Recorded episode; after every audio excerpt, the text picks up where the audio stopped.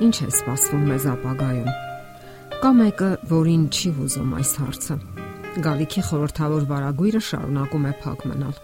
Մարդու տկար միտքը ցանկանում է թափանցել ապագայի խորքերը։ Նա հաճախ դիմում է իր անսանձ երևակայությանը, փորձելով լրացնել իմացածի պակասը։ Ինչ է բերելու իր հետ վաղվա օրը։ Այդ գաղտնիքը ծածկված է մեզանից։ Որքան էլ ցանկանանք ճեղքել անհայտի վարագույրը, մարդկային սահմանափակ կարծրատիպերով ծանրաբեռնված միտքը չի կարող պատասխանել այդ հարցին։ Հուդայի թակավոր Հովսափատը հուսահատության մեջ էր։ Երուսաղեմին էին մոտենում թշնամու բանակի զորքերը։ Ապագան անհույս էր թվում։ Արդյոք փակվել են փրկության դռները։ Բոլոր կողմերից հույսը կտրած թակավորը հայացքը հառում է երկնքին։ Միգուցե այնտեղից գա փրկությունը։ Նա դիմում է Աստծուն եւ օգնություն խնդրում ապա հարցնում է ապագայի վերաբերյալ։ Եվ Տիրոջ հոգին իջնում է քահանայական ցեղից մեկի զավակի վրա, ով մարգարեանում է եւ հայտնում Աստծո լուրը։ Դուք այս անգամ չեք պատերազմելու։ Դուք մնացեք ձեր տեղում։ Սպասեք եւ կտեսնեք Տիրոջ փրկությունը ձեզ համար։ Ով Հուդա եւ Երուսաղեմ, մի վախեցեք եւ մի զարհուրեք։ Վաղը դուրս եկեք նրանց դիմաց եւ Տերը ձեզ հետ կլինի։ Լուրն այնքան ողջևորեց թակավորին, որ նա խոնարհվեց Աստծո առաջ եւ դիմեց ժողովրդին։ Հավատացեք ձեր Տեր Աստծուն եւ հաստատ կմնաք։ Հավատացեք նրա մարգարեներին եւ հաջողություն կունենաք։ Ովքեր էին մարգարեները։ Ում պետք է լսեր Աստծո ժողովուրդը, որpիսի հաջողություն ունենար։ Մարգարեն այն անznավորությունն է, ով լուրեր է ստանում Աստծուց եւ հայտնում մարդկանց։ Այսպիսով նա առաջնորդում է հավատացյալ ժողովրդին եւ հայտնում երկնքի կամքը։ Նա հայտնում է այն, ինչը դեռևս չի կատարվել, սակայն պետք է կատարվի ապագայում։ Նա Աստծո ձայնն է։ Աստված գործում է նրանց միջոցով եւ հայտնում իր կամքը։ Պետրոս Առաքյալը գրում է. որովհետև ոչ մի մարգարեություն մարդկային կամքի համաձայն չի եղել, այլ ներշնչվելով Սուրբ Հոգուց, Սուրբ Մարդիկ արժանի եղան Աստծո կողմից խոսելու։ Մարգարեությունները մեզ են ներկայացնում աշխարհի պատմության կտավը։ Մի դեպքում այն գալիք դատաստանն է եւ հավերժական կորուստը։ Մյուս դեպքում պայծառ գույներով կտավի արչև միանգամայն այլ տեսարան է հառնում։ Այն շատ ավելի գեղեցիկ է, քան մենք կարող ենք պատկերացնել։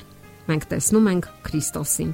Նա հառնում է երկրային պատմության ֆոնին որպես ալֆա եւ օմեգա, որպես տերերի տեր եւ առավոտյան աստղ, որպես տիրոջ զորքերի առաջնորդ Նա գալիս է, որպիսի փրկի իր ժողովրդին։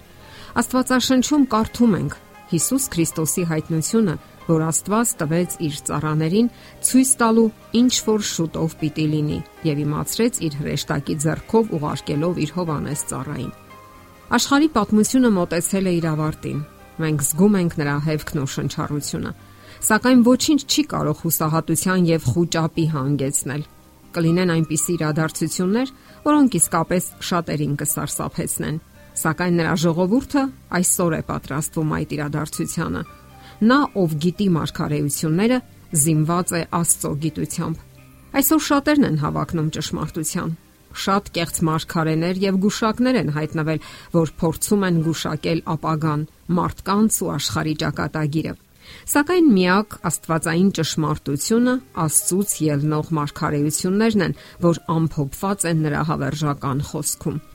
Միայն նա է, որ տալիս է գալիքի պատկերը եւ այն իրադարձությունները, որ տեղի կունենան աշխարհի պատմության վաղճանին։ Մարգարեությունները հայտարարում են, որ Հիսուսի գալուստից առաջ շատ կեղծ մարգարեներ կհայտնվեն, որ կխափեն մարդկանց։ Նրանք կնշանակեն օրեր ու ժամեր, որպես աշխարհի պատմության ավարտ, սակայն Շատ այդպիսի կեղծ մարգարեություններ հոդս են ցնդել։ Իսկ Աստծո խոսքի մարգարեություններում մենք կարդում ենք, որ կլինեն պատերազմների համբավներ, քաղց եւ համաշխարային աղետներ։ Մարդիկ կդառնան չար ու ինքնասեր, կանհետանա սերը եւ կվատանան միջանձնային հարաբերությունները։ Մարգարեությունների ճշգրիտ կատարվելը վկայում է, որ Աստվածաշունչը իսկապես Աստծո խոսքն է եւ այն չի սխալվում։ Աստծո խոսքը ներկայացնում է նաև աշխարհի պատկերը համառոտ ձևով։ Նշանավոր Նաբուգոդոնոսոր արքան մարգարիական երազ է տեսնում։ Այդ երազը նրան մեկնաբանեց Դանիել մարգարեն։ Այն համաշխարային պատմության սեղմ նկարագրությունն էր։